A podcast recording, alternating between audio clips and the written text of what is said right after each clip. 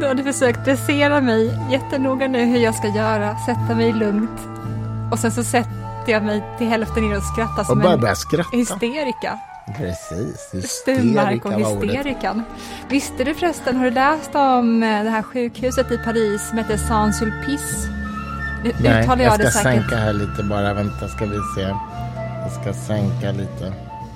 Jag uttalade det säkert garanterat fel. Um, men det var ju där som man då gjorde de här eh, uppvisningarna inför allmänheten och doktorer från hela världen, där kvinnor då fick demonstrera ut sin galenskap, så att alla läkare och även då allmänheten fick se Ja, gud vilka exemplar det finns utav kvinnor och så går det ifall man lever ett promiskuöst liv och vad är det här för sjukhus? ett sjukhus på slutet av 1800-talet. Eh, Och han som var chef för det här sjukhuset var också en sån här legendar inom psykiatrin och hade inte han rätt om någonting alls. Och det var garanterat så att alla de här männen som var väktare snedstreck eh, läkare på sjukhuset bara hade de här kvinnorna som sexslavar. Ja, men herregud. Typ. Men, ehm, och jag vet inte vad, vad det blev av det här, med det här sjukhuset sen. Jag bara kom att tänka på det nu. apropå-. Och då kommer jag att tänka på Marquis du Sade som ju du har skrivit om lite nu. ja, Ja. precis. Jag läste en grej faktiskt bara typ idag eller igår om honom. Visste du att franska staten köpte hans originalmanus för typ två år sedan för 46 miljoner kronor? Vilket manus var det? Minns du det? Eh, Salå, så de 120 dagar eller vad det Ah, heter. men gud, är du säker på det? Att det var det? För jag vet att det Ja, i utav... stort sett säker. Jag kan hitta artikeln. Det var i någon av våra svenska tidningar igår. What? Eller idag. Men alltså är det här någon form av Idag, synk- faktiskt. synkronicitet? Jag satt och berättade för dig igår om detta. Jag tror det var Aftonbladet eller Expressen idag. Och det var likadant, nu tror inte någon av oss på synkronicitet. Nej, Snälla någon. nej. Men det är väl klart man måste använda det ordet när sånt här händer. Det är ett vackert ord. Eh, Ändå. Det kanske det är. Mm, det är det nog. Ja, det tycker jag i alla fall. Ja, eh, och det var ju likadant när du började prata med mig för två veckor sedan eller så om Kate Bush-låten Ja. Som, mm. eh, Running Up the Hill. Running nej, up that hill. Running Up That Hill. Som ju hon ville från början skulle heta Making a deal with God. Det är så bra Och, titel. och för det, Running up that hill, make a deal with God. God. Ja, precis. Men det sa skivbolaget nej till, för då kommer den inte spelas i en massa länder, sa de. Så hon döpte om den.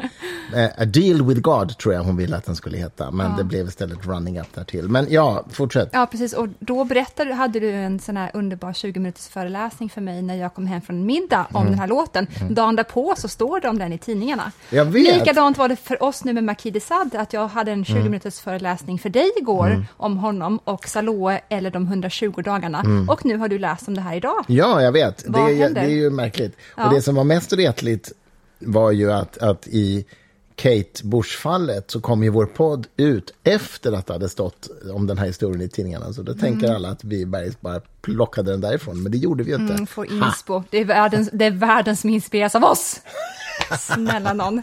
Naturligtvis. Om jag ja. bara ska få dra den här Marquis de Sade-grejen väldigt, väldigt Ja, raskt, gör så var det. ju så att han då satt fängslad, till och med kanske i Bastiljen, Mm. eh, innan dess, den så småningom då utav eh, typ 50 år tror jag han var fängslad. Fram Ja, jättelänge var det. Mm. Och han betedde sig så klart så pass vansinnigt så att medfångar och väktare blev tokiga i huvudet, tokigare av att vara i hans närhet.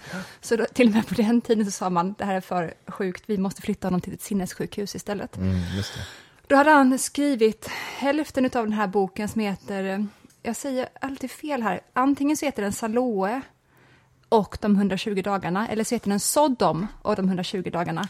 Men Pasolini gjorde i alla fall en parafras på den titeln sen genom att göra en film där han använde sig då utav Marquis de Sades eh, originalmanus som eh, förlaga för Ja, filmmanuset. Eh, Medan Christer googlar fram svaret på detta så kan jag bara då berätta att Marquis de Sade hade hunnit skriva klart halva den här boken och det handlar alltså om hur ett gäng flickor och pojkar i inte helt vuxen ålder blir tillfångatagna utav män som representerar olika eh, steg på ja, samhällsstegen. Och hur de då blir utsatta för det sjukaste man, och hemskaste man kan bli utsatt för. Och han hann aldrig skriva klart den, för sen skulle han flyttas, men då har han ändå etablerat en så bra kontakt, eh, Marquis, Så att han säger till väktarna att säg till min fru, hur kul var det att vara, att vara gift med honom? Man, eller också, ja, det Ja. kan man undra. Ja, verkligen. Eller så var hon sjukare än han. Det Ja, vet ju inte vi. Vad var är det för kvinnohat Ja. att anta att han skulle vara hemskad? I alla fall. Eh, Skål. Skål älskling. Vår sedvanliga champagne här. Poddchampagnen. Mm. Fortsätt. Så att när han då ska flyttas, då trycker han in halva manuset mellan tegelstenarna i det här tornet som han då var fängslad i och sa till väktarna, spring till min fru och se till henne att hämta ut det här manuset genast och rädda det. Det här lyckas alltså. Hon får tag på det här manuset eh, och sen genom vägar man inte helt och hållet känner till så hamnar det här manuset till hälften då hos en, och rätta mig även, gärna om jag uttalar det fel, libriofil. Ja, jag kan tänka mig att det heter så. Jag är inte säker. Men... Och då var det alltså en libriofil i ordets rätta bemärkelse. Han hade alltså nästan till erotisk relation till böcker. Han älskade han, böcker i alla På fall. ett Mm. sjukt sätt. Han, han, han hade, det var en älskar. Mm. hoarder eh, beteende deluxe. Han fyllde sitt slott så- till hans stora lycka var han ju då jätte, jätterik, den här Mm. libriofilen, som då under, är det typ 30-40-talet, 1900, får tag på halva Mm. det här manuset utav Marquis. Eh, Jag vet att när han då väl har haft det ett tag så hamnar det så småningom tillbaka hos eh, Marquis de Sads familj, alltså de ättlingarna till Marquis de Sade. Och jag har hört talas om tidigare att det är nu i franska statens ägo. Men, men jag Enligt den inte artikeln att igår det så- var någonting som nyligen hade hänt och det kanske inte det var... 2019 typ? Okej, Jo, ja, men då så. Ja, men Vi då är kolla. det rimligt. Vi får kolla, det var någon av kvällstidningarna tror jag, idag faktiskt. Och idag, med idag så menar vi fredag, för vi spelar in det här på fredagen. Mm, som vi så ofta gör. Som vi ofta gör, precis. Jag kan då berätta bara eh, för dig och den eventuellt intresserade lyssnaren att romanen som Marquis de Sade skrev 1785, den hette De 120 dagarna i Sodom. Alltså på franska dock. Så de hundra... 20 dagarna i Sodom. Den svenska titeln i alla fall är det. Jag vet inte exakt vad det, hur det uttalas på franska. Men sen gjorde ju Pasolini, Pier Mm. Och det var ju hans Pasolini, sista film. film. Ja, just det. Och han gjorde ju en film som då hette Salå. Ja. Eller Sodoms 120 dagar. Okej, tack, där har Så vi det. hette filmen. Och varför han döpte den till Salå Mm. var ju för att det fanns då en liten, liten start i nordöstra Italien som var helt um, fasciststyrd även efter att Mussolini hade fallit. Dit Mussolini skickades va? Eller? Det, det, Nej. det vet inte jag om det är den. Det kan det vara. Nej, det vet inte jag Men det heller. känns ju också orimligt att de hänger honom upp och ner naken och hans älskarinna och sen så fortsätter man att ha fascistfest i den här lilla Ja, delstaten. Alltså det var efter hans död menar du? Ja, Jaha, ja, ja. okej. Ja, ja, jag har ingen aning. I don't know. I don't know. Hmm. Men Pasolini blev ju mördad av sin älskare va? Efter... Nej, så var det inte. Nähä. Han ehm, eh, blev mördad på en parkering där homosexuella män köpte sex. Mhm. Och blev eh, dödad av en ung pojke som han då hade köpt sex utav. Och eh, ja, Mhm. det kom ju fram så småningom att det var det kristdemokratiska partiet som till stor del låg bakom detta, inte bara en conspiracy. Det har visat sig vara så. Ebba Busch alltså? Nej. Just det, det var Ebba Busch. Okej, det var inte svenska Kristdemokraterna. Nej, okej. Nej, vad bra. Det, det, Alltså, det är väldigt, anakro, ju väldigt anakronistiskt det där. För hon var väl knappt född när det hände. Men okej. för att vara en avslöjande podd också. Det Stora viktiga- journalistpriset. Precis, det är det vi satsar på. Det viktiga är bara att alla, våra lyssnare, att ingen får googla på någonting som vi säger. Det är det enda, den enda regeln som vi har. A good, never check a good story, eller hur? Nej. Du, vi ska ju åka till eh, Almedalen i övermorgon. Ja. Då jävlar. Fyra Ja. dagar av intensivt socialt umgänge. Hur fan ska det gå? Åh gud, du kommer vara som en sån där, vad heter det, eh, batterikanin som bara far runt. Duracell kanin. Just det, på gator och torg. Jag kommer ju, jag kommer ju inte fara runt lika mycket. jag kommer se dig fara runt. Ska jag installera en sån där grej på din telefon som Carl Bildt har gjort med Anna Maria Corazza? Där du ser vad jag är hela tiden. Ja, Ja. jag tycker det är en ganska praktisk sak egentligen. Alltså. Men det är ju lite, kanske lite kontrolligt. Är det så att bara för att hon kommer från Italien så tycker hon att det är mer sunt än vad hon borde tycka?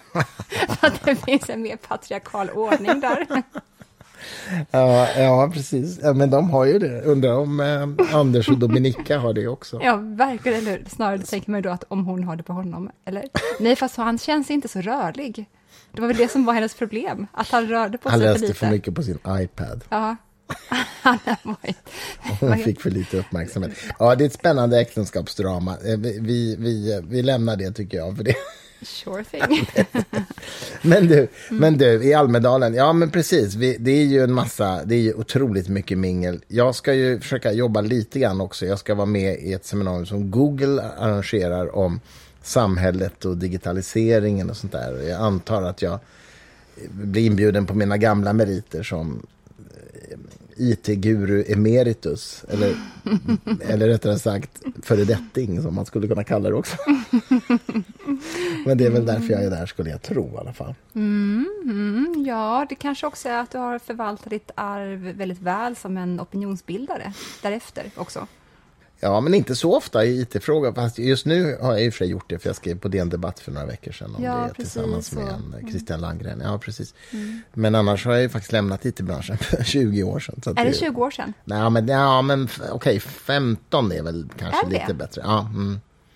Det är ju en definitionsfråga. Alltså jag, jag hade ju jag hade ett uppdrag för dåvarande regeringens IT-politiska strategigrupp som ordförande. Det var väl 2003 till 2004. Ja, det är nä, nästan 20 år sedan i alla fall. Men Det är det sista formella uppdraget jag hade. Sen höll jag på med lite IT-investeringar och sånt där. Liksom, sådär. Men eh, det ska jag i alla fall göra. Och sen ska jag vara med i någon paneldiskussion som handlar om de, de, de, nu de blivande skärpta demokratikriterierna för statens stöd till trossamfund. Där har du något, hörru. Där kommer jag gå, gå loss lite faktiskt. Oj, oj, oj. Ja, Det är det, så kul att se dig äggas. Det låter jättesjukt, jag menar inte bara så.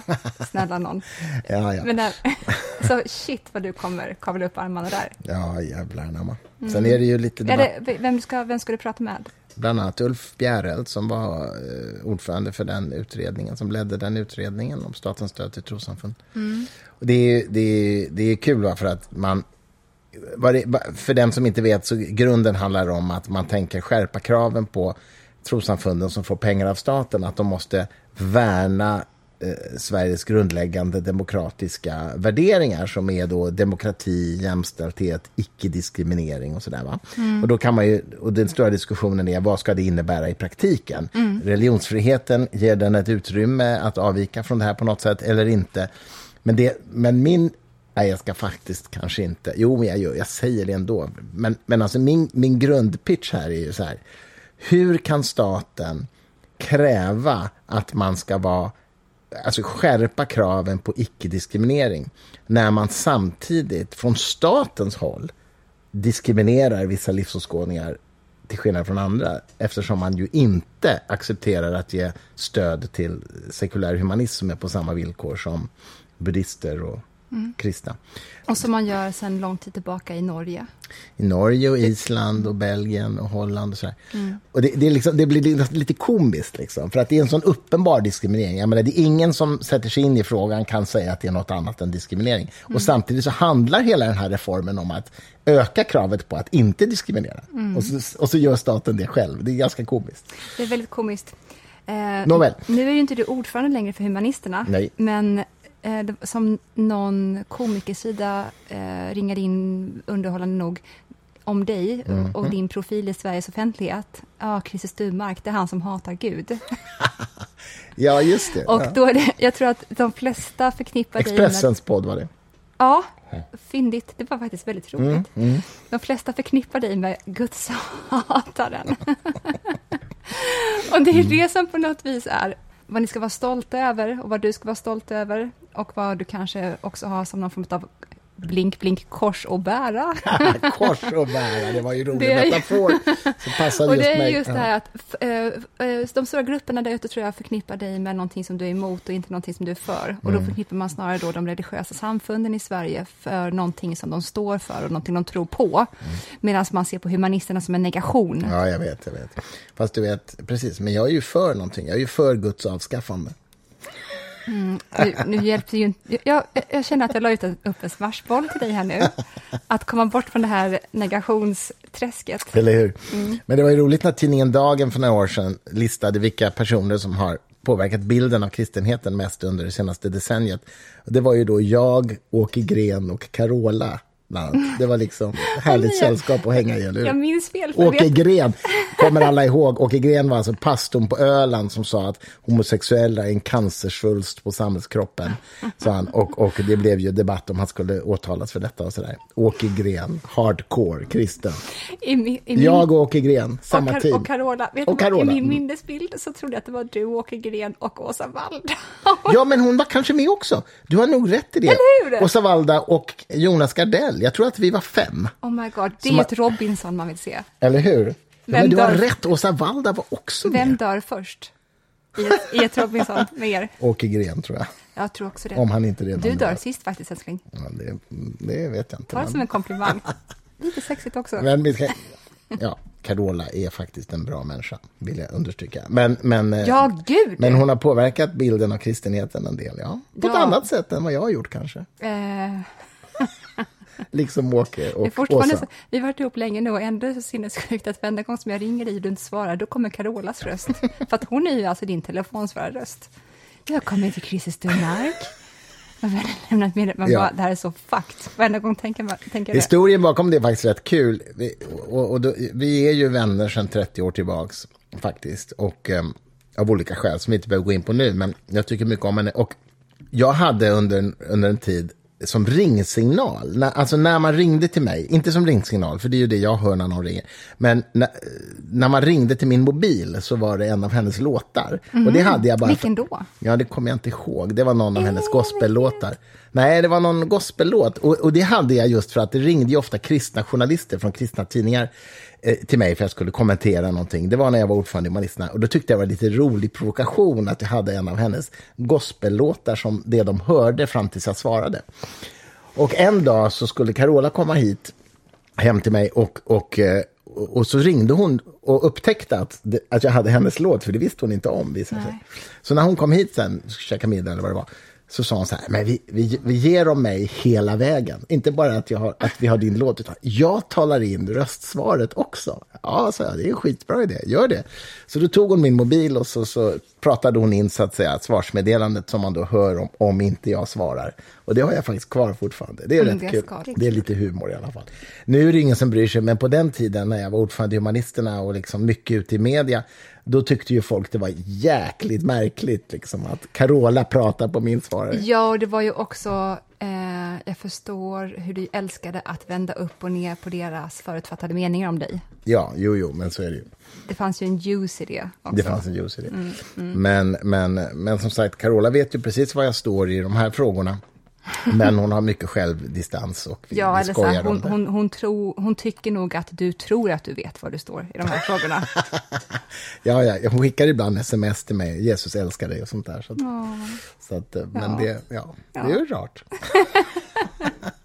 det är så spännande hur man använder så ofta Jesus och inte Kristus. Jag undrar ifall det skiljer de olika religiösa grupperna åt inom Sverige, mm. om man säger Kristus eller Jesus. Mm. De, ja, man, man, vill ju ofta säga till folk som håller på och säger Jesus Kristus, vill man säga, du vet om att han inte heter Kristus i efternamn, eller hur? Du vet det. Snälla säg att du vet det. Du vet. Någon annan, för jag måste bara säga också, någon mm. annan skrev på Instagram att jag har aldrig förstått varför Jesus heter fucking i mellannamn.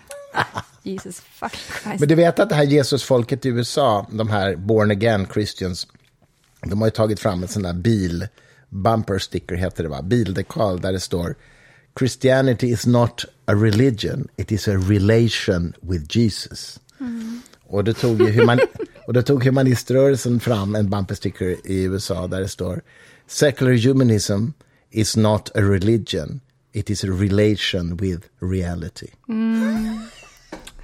Jag känner, ja, det är väldigt roligt och väldigt fyndigt. Jag känner, fyndigt är det? Eller? Ja, vi måste ju någon gång ha det stora samtalet, du och jag, med varandra, om sekulär humanism ja, och ja, någon any gång. day. Any day, any day. I sömnen. Va?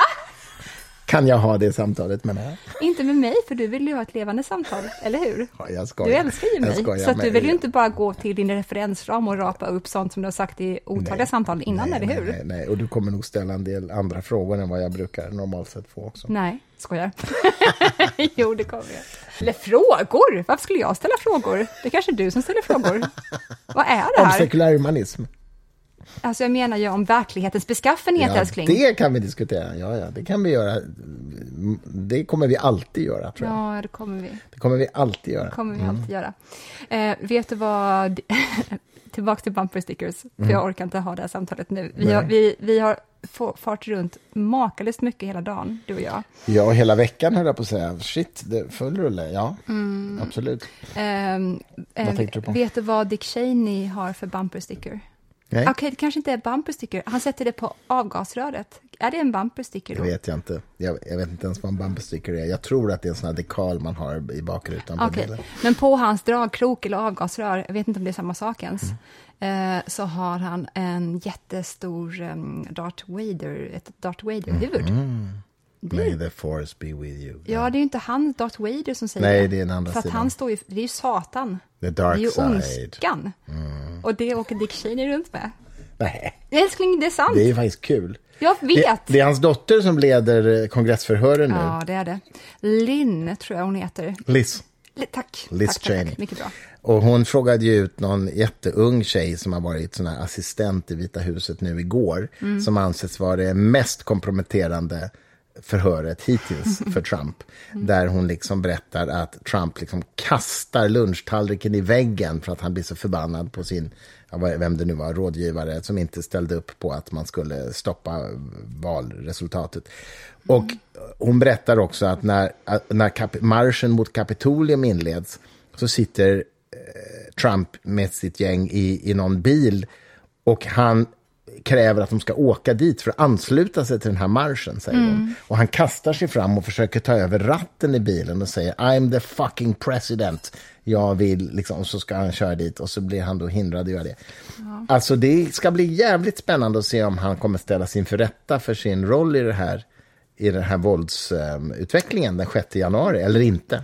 Ja, jag hade nog varit, jag är intresserad, men jag hade nog varit ännu mer intresserad om jag uppfattade att det fanns en realistisk chans att han kommer eh, bli kandidat för Republikanerna och ställa upp som en kandidat mot andra kandidater som de sen då kommer koka ner till en kandidat Mhm. som sen kommer slåss mot Demokraterna. Men jag ser Tror inte att, nej, jag tror verkligen inte det. Och jag tror att det är näst, ja, jag tror att Mike Pence är det största hotet för hela västvärlden. Jag tror inte att, jag Mm, tror att. Trump är passé och att han skapade en grogrund för en mer systematiserad ondska som är mer sofistikerad och mycket mer snillrik Mm. och ehm, ehm, gör saker i det dolda på ett sätt som narcissisten Trump inte klarade av att göra. Jag tror att det, det stora mörka kommer nu och Mm. den porten öppnades med Trump. And on that happy note. Ja, usch, ja, nej, men visst, Pence är ju naturligtvis ingen charmigt alternativ heller. Det, det fin- jag förstår vad du menar, det finns ju en tendens att man tänker att allt är bättre än Trump. Ja, det är så farligt att Och tänka det är så. farligt, va? Ja, för att då siktar att- man in sig på helt, helt fel Ja. person också. Jo, under tiden så finns allt bara där och organisera sig under tiden i Republikanska Mm. partiet. Det finns faktiskt, jag tror det är näst senast eh, Sam Harris Making Sense-podden där han har som gäst en evangelikalt konservativ kristen politiker. Eller inte politiker förresten, journalist och skribent sådär. Som eh, avskyr Trump och, och, och säger liksom att Trump är det största hotet mot den amerikanska demokratin någonsin. Och det är så kul för vad Sam Harris gör är att han bjuder in sin absoluta motpart i alla andra frågor, utom just deras förakt för Trump eller rädsla för Trump, eller vad man ska kalla det. Eh, det är faktiskt jävligt intressant. Ja, jag måste dock bara flika in att jag som då följde på ett nästan osunt nära sätt um, The Intellectual... Nej, men gud, nu minns jag inte bara vad de heter bara. Dark web. Intellectual Dark Web. Ja. De gjorde ju nästan en freakshow utav att, ja, kolla, här är vi och är jättelibertarianer. Nu bjuder vi in den här fundamentalisten som är islamist. Och vi har ett civiliserat samtal. Problemet är bara att den islamisten representerar ungefär 0,0000001 procent utav de som är troende inom Muslimer, ja. i, muslim, Mm. islam. Jo, jag vet, så, så är det. Mm. Så att de gjorde då det här, titta vad vi kan ha, eh, bro, bygga broar och prata Mm. med folk som är på den andra sidan. Man bara, ja fast på andra sidan från er så står det två. Mm, jo, jag vet. Det säger Nej, men det ingenting. problem såklart. Och det är lite den känslan jag får med den här podden också, som jag bara har lyssnat på typ två och en halv minut än så länge. Eh, Ja, fast skillnaden kanske jag ändå tycker är att den här motparten som Sam Harris har är ju en etablerad opinionsbildare som har skrivit för stora tidningar och sådär, konservativa tidningar. Så han är inte, han är liksom inte, inte freakshow, utan han tillhör en ganska stor strömning i, inom amerikansk opinionsbildning. Men, och, och, och poängen är att hans kollegor, alltså de som tycker som han i övrigt, väldigt många av dem har supportat Trump. Men han avviker från sin crowd och säger att Trump är ett stort hot. det, och därmed är det ju inte, okej jag förstår, och därmed är ju inte det hans crowd längre. För att de, Nej, nej, ap- visst, och, apropå ingrupp och utgrupp, han är ju borta för dem. Ja, ja, ja, men så är det ju apropå schimpanser i förra avsnittet. Har du hängt med de där andra i den här gruppen, då sliter vi sönder dig om du kommer nära Jo, igen. men, ja, det är ju över för honom. Jo, men så är det. Så är det naturligtvis. Men, men, eh, men, men det är ett, jag, jag har hört hela den podden. Jag tycker ändå att det, var, det är ett lyssningsvärt samtal ändå. Alltså det som händer i USA är ju läskigt nu. Jag menar, högsta domstolen har nu tagit bort uh, ogiltigförklarat Roe vs Wade från 70-talet som ger eh, kvinnor eh, nationell rätt, rätt till abort till exempel. Så nu kan varje delstat besluta det här själv. Jag kan ändå tycka också att själva debatten om abort, abort är väldigt, i Sverige, Endimensionell. väldigt förenklad. Liksom. Verkligen, det är fortfarande så att de lyder efter de demokratiska eh, regel... Nät, vad, vad kallas det för? Ja, regelverk. Eh, regelverket. Och Eller demokratiska principer. Ja, och den delstaten som vill ha fri abort, se till, Kommer så, att kunna ha det, se ja, till så att. Mm. de får eh, representanter inom det politiska som ger dem fri abort.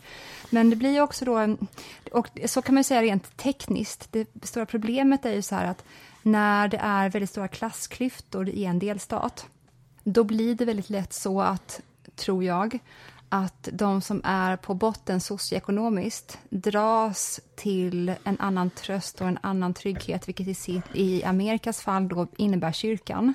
Och det blir att man dras till baptiströrelsen och till metodisterna och där är det big no-no för abort. Så att den trösten som de då får från ett annat system innebär att de också kommer välja abortmotståndare till det politiska systemet. Eh, vilket gör då att det blir en, en rundgång på klassproblematik. Kan man inte som kvinna göra abort så är du fast för evigt i de delstaterna Visst. vid den socioekonomiska positionen som du föddes in i. Så det Mm. Ja, blir men- självgenererande. Nej, men visst, Loop. det är, verkligen, det är jätteläskigt. Och nu, och nu ser man ju hur en massa artister och alla möjliga organisationer satsar massa pengar på att hjälpa kvinnor som inte har råd Och att företag. resa. Och Ja. företag, ja. Ja. Och det är ju det är fantastiskt. Men jag tycker fortfarande, alltså, nu, risken för att låta helt så tycker jag att det, det är inte svartvitt. Det går inte, det går inte att säga att man är för fri abort eller mot vit, eh, fri abort. Utan det finns, allt handlar ju om var ska gränserna gå. Vid vilken vecka och under vilka omständigheter. Och så. Det är ju ett jättekomplext spektrum. Och jag tycker att man måste våga erkänna att det finns en slags etisk målkonflikt i det här som, som handlar om barnets rätt och kvinnans rätt. Man måste våga liksom säga det. Sen är jag ju definitivt för en sån abortlagstiftning som vi har i, Sverige liksom, som, som grundprincip. Och, så där. och det är ju den som är hotad i USA, helt enkelt, i vissa delstater. Precis, och som den är utformad i Sverige är den hotad i USA. Men jag vet inte ifall det är så att ifall du blir gravid på grund av våldtäkt eller incest, eh, då vet inte jag ifall det är så att de inte kommer erbjuda dig medicinsk abort. Nej, men men det kommer nog att variera. Ja, jag kan tänka mig att kanske nästan alla delstater kommer att acceptera incestabort. Jag tror inte alla kommer acceptera våldtäktsabort. Ja, jag vet inte. Eh, Men det kommer ju vara olika gränser. Liksom. Det avgörs ju. Liksom. Ja, det är inte där, av som, det varje är inte där det stor, den stora frågan vilar heller egentligen. Det är ju inte det. Nej, nej, naturligtvis inte. Men, men jag menar, det är, det, är en, det är en komplex fråga och det finns en slags etisk målkonflikt. Och den blottar också aningslösheten, tycker jag. Och det är väl det som du siktar lite mot eh, här i Sverige. Att vi bara håller upp eh, plakat på sociala medier och säger eh, nu, hit, nu hotas eh, eh, rättigheter för kvinnor i väst. Och sen så finns det inte någon som helst kunskapsgrund vad man tycker borde gälla då i så fall. Mm. Vad är det man försvarar egentligen? Man måste vara precis kring det. Skulle man till exempel tycka att det är okej att man flyttar upp abortgränsen till, ja men säg sex och en halv månad, det skulle ju ingen tycka heller. Uh, nej, jag vet, jag vet, inte ens exakt var den går i Sverige. Vid, inte heller. Ja, och det, beror, det, det, det är beroende på vad man menar med var gränsen går också. Det är ju olika kriterier vid olika tillfällen. Men, men, men abortmotståndare brukar ju, tycker jag, komma med ett ganska dåligt argument och det är ju att de säger så här att Ja, men livet uppstår ju faktiskt vid befruktningsögonblicket och därför så ska man aldrig acceptera abort ens första veckan. Men det är väl ingen som påstår att inte livet uppstår då? Liv i sig är ju, jag menar herregud, flugor lever ju ja, också. Ja, fast de, särsk älskling, de särskiljer ju på mänskligt liv och flugor. Ja, just det. Och, men det de säger... De ser de... ju människan som centrum. Exakt, men min poäng är att jag flera gånger i debatter om det här hört dem säga livet uppstår och det är heligt. Men det, poängen måste ju vara att de hävdar att mänskliga rättigheter tillkommer det här embryot vid befruktningsögonblicket. Och det, det håller inte jag med det om. Det är det de menar, de är bara inte sofistikerade, de kan nej, inte uttala nej. det så. Det, men det är det de mm. menar. Och det argumentet underkänner jag då. Jag tycker inte att mänskliga när rättigheter... Mäns när tycker du att mänskligt liv uppstår då? Um, Vid vilken vecka? Ja, nej men det kan jag inte säga. Det, det, det, är en gradfråga. Men, de, men, men, men de kan det. Mm. De tycker att de kan det i alla fall. Ja, men precis, de tycker det. Och, och jag skulle ju då säga till exempel då att stamcellsforskning på embryonala stamceller borde vara fullständigt tillåtet ja. eftersom stamcellerna inte ens har blivit specialiserade förrän efter några dagar. Och, och embryonala stamceller tar man bara de första tre dagarna, tror jag det mm. och, och, eh, Men sen är det naturligtvis en gradprocess och det är ju därför man måste öka, så att säga, kriterierna för rätten till abort, eller vet du, göra dem striktare ju senare det är naturligtvis. Men det här är ju en extremt svår fråga. Mm. Ska man få abortera sent ett foster som har ett ryggmärgsskada så att man vet att barnet ja, fast, inte kommer att överleva nej, men, mer än Man behöver inte ta det så långt. Man behöver inte säga att det här fostret har en ryggmärgsskada. Det kan bara vara att jag vill inte längre ha det här barnet. Ja, men, jo, men min poäng är att jag, jag, jag menar... När, att, när, går, ett, när går gränsen för att man inte bara längre... Ja, och jag menar att gränsen för ett barn som man vet kommer att överleva upp till två år tycker jag man ska få ha rätt att abortera senare än ett barn som man bara inte vill ha. Ja, självklart. Så det är det jag menar, att det, det måste vara massa olika nivåer. Det håller jag med om också, mm. absolut. Så det måste men, vara många olika så att säga, grader här som man måste om, hantera. Men, men, grundfrågan var eh, när, när, mm. när uppstår ett liv och när kan vi inte längre förbise att vi ändå tar livet av en, av en människa? Mm, precis. Och då, det, måste man, det är ju en medicinetisk bedömning som man måste komma överens om. Och det är det som Statens medicinsk-etiska råd har jobbat med. Och jag, jag vill inte säg, sätta en vecka på det, för jag är Nej, inte medicinare. Det är, klart, det är klart. Men det kanske inte bara är en medicinetisk bedömning. Mm. Medicinetisk bedömning, det kanske till och med är en emotionell bedömning. Ja, men det så. ingår i det. I etik tycker okay, jag så när man, så när man, frågar en, när man frågar en individ på gatan som överväger en abort, då säger man vilken medicinetisk bedömning har du på ditt beslut? Nej, nej, nej. nej, men den individens bedömning är ju alltid emotionell. Men ja, lagstiftningen måste vara medicinetisk. Ja, ja, men okej, okay, jag pratar inte alltid, mitt utgångsläge är inte alltid mm. lagstiftande eller juridisk. Mm. Nej, men, nej, men det, det, vi pratade, det som jag pratade, menade nu, det var hur ska staten, vilken, re, vilken nej, lagstiftning det, det ska man ha? Om. Jag, pratade om, jag pratade om hur du såg på det här och mm. hur eh, man ska förhålla sig till vad liv är för någonting. Jag mm. pratar inte om staten eller juridik. Nej, alls. men det är det som eh, Högsta domstolen i USA hanterar ja, juridiken det, ja, bara. Ja, så är det, mm. men sen tog jag det vidare. Ja, just det. Men okej, okay, så din fråga är Ja, det var därför jag sa, vad tycker du? Mm. Det är inte, vad tycker juridiken? För då hade jag ju ringt upp en, någon mm. annan som mm. kan då visa vad juridiken säger. Det är därför och, jag pratar Ja, jag förstår. Och jag, skulle, jag, jag har nog det tyvärr tråkiga svaret att jag inte har en tydlig uppfattning om den exakta gränsen. Nej, jag vet. Och det var det jag som har så, inte det. Nej, och det har inte jag heller. Nej. Det var bara det att det är intressant att bolla om det så här fram och mm. tillbaka och se mm eh, jag menar, medicinetisk bedömning, ja det är klart att den måste vara absolut... Ligga till grund för lagen För lagen, mm. ja, men, men, nu, men det är ju när man pratar om den lilla människan i sitt rum, mm. när hon får reda på mm. en sak, då är det inte det medicinetiska som jag tänker som terminologi Nej. i första hand. Nej. som träder in, det är Nej. ju emotionellt och massa, massa andra Absolut. aspekter. Det mänskliga beslutet är ju, är ju emotionellt. Och antagligen också hänsynstagande till massa... Alltså det är ett samspel mellan vilka praktiska möjligheter man har och ens emotioner, så att säga. Det är ju den individuella beslutet måste ju handla om det. Sen finns det ju då den individens möjligheter mm. avgörs ju av juridiken. Mm. Mm. Så att det är ju två, så att säga, realms, det är två helt o, olika. Ja. Onekligen. Mm, mm. Men det där är supersvårt eh, och, och, komplicerat. Och det, min poäng är egentligen bara att jag tycker att debatten är lite för förenklad och lite för svartvit. Mm. Den debatt som förs i Sverige kring de här frågorna. Ebba Busch gjorde ju ett försök till utspel kring det här om, om kontrakt. Har några fler skrivit på? Jag tror inte det. Eh, somliga kräver nu att det ska skrivas in i grundlagen och det vill ju inte Ebba Busch, tror jag.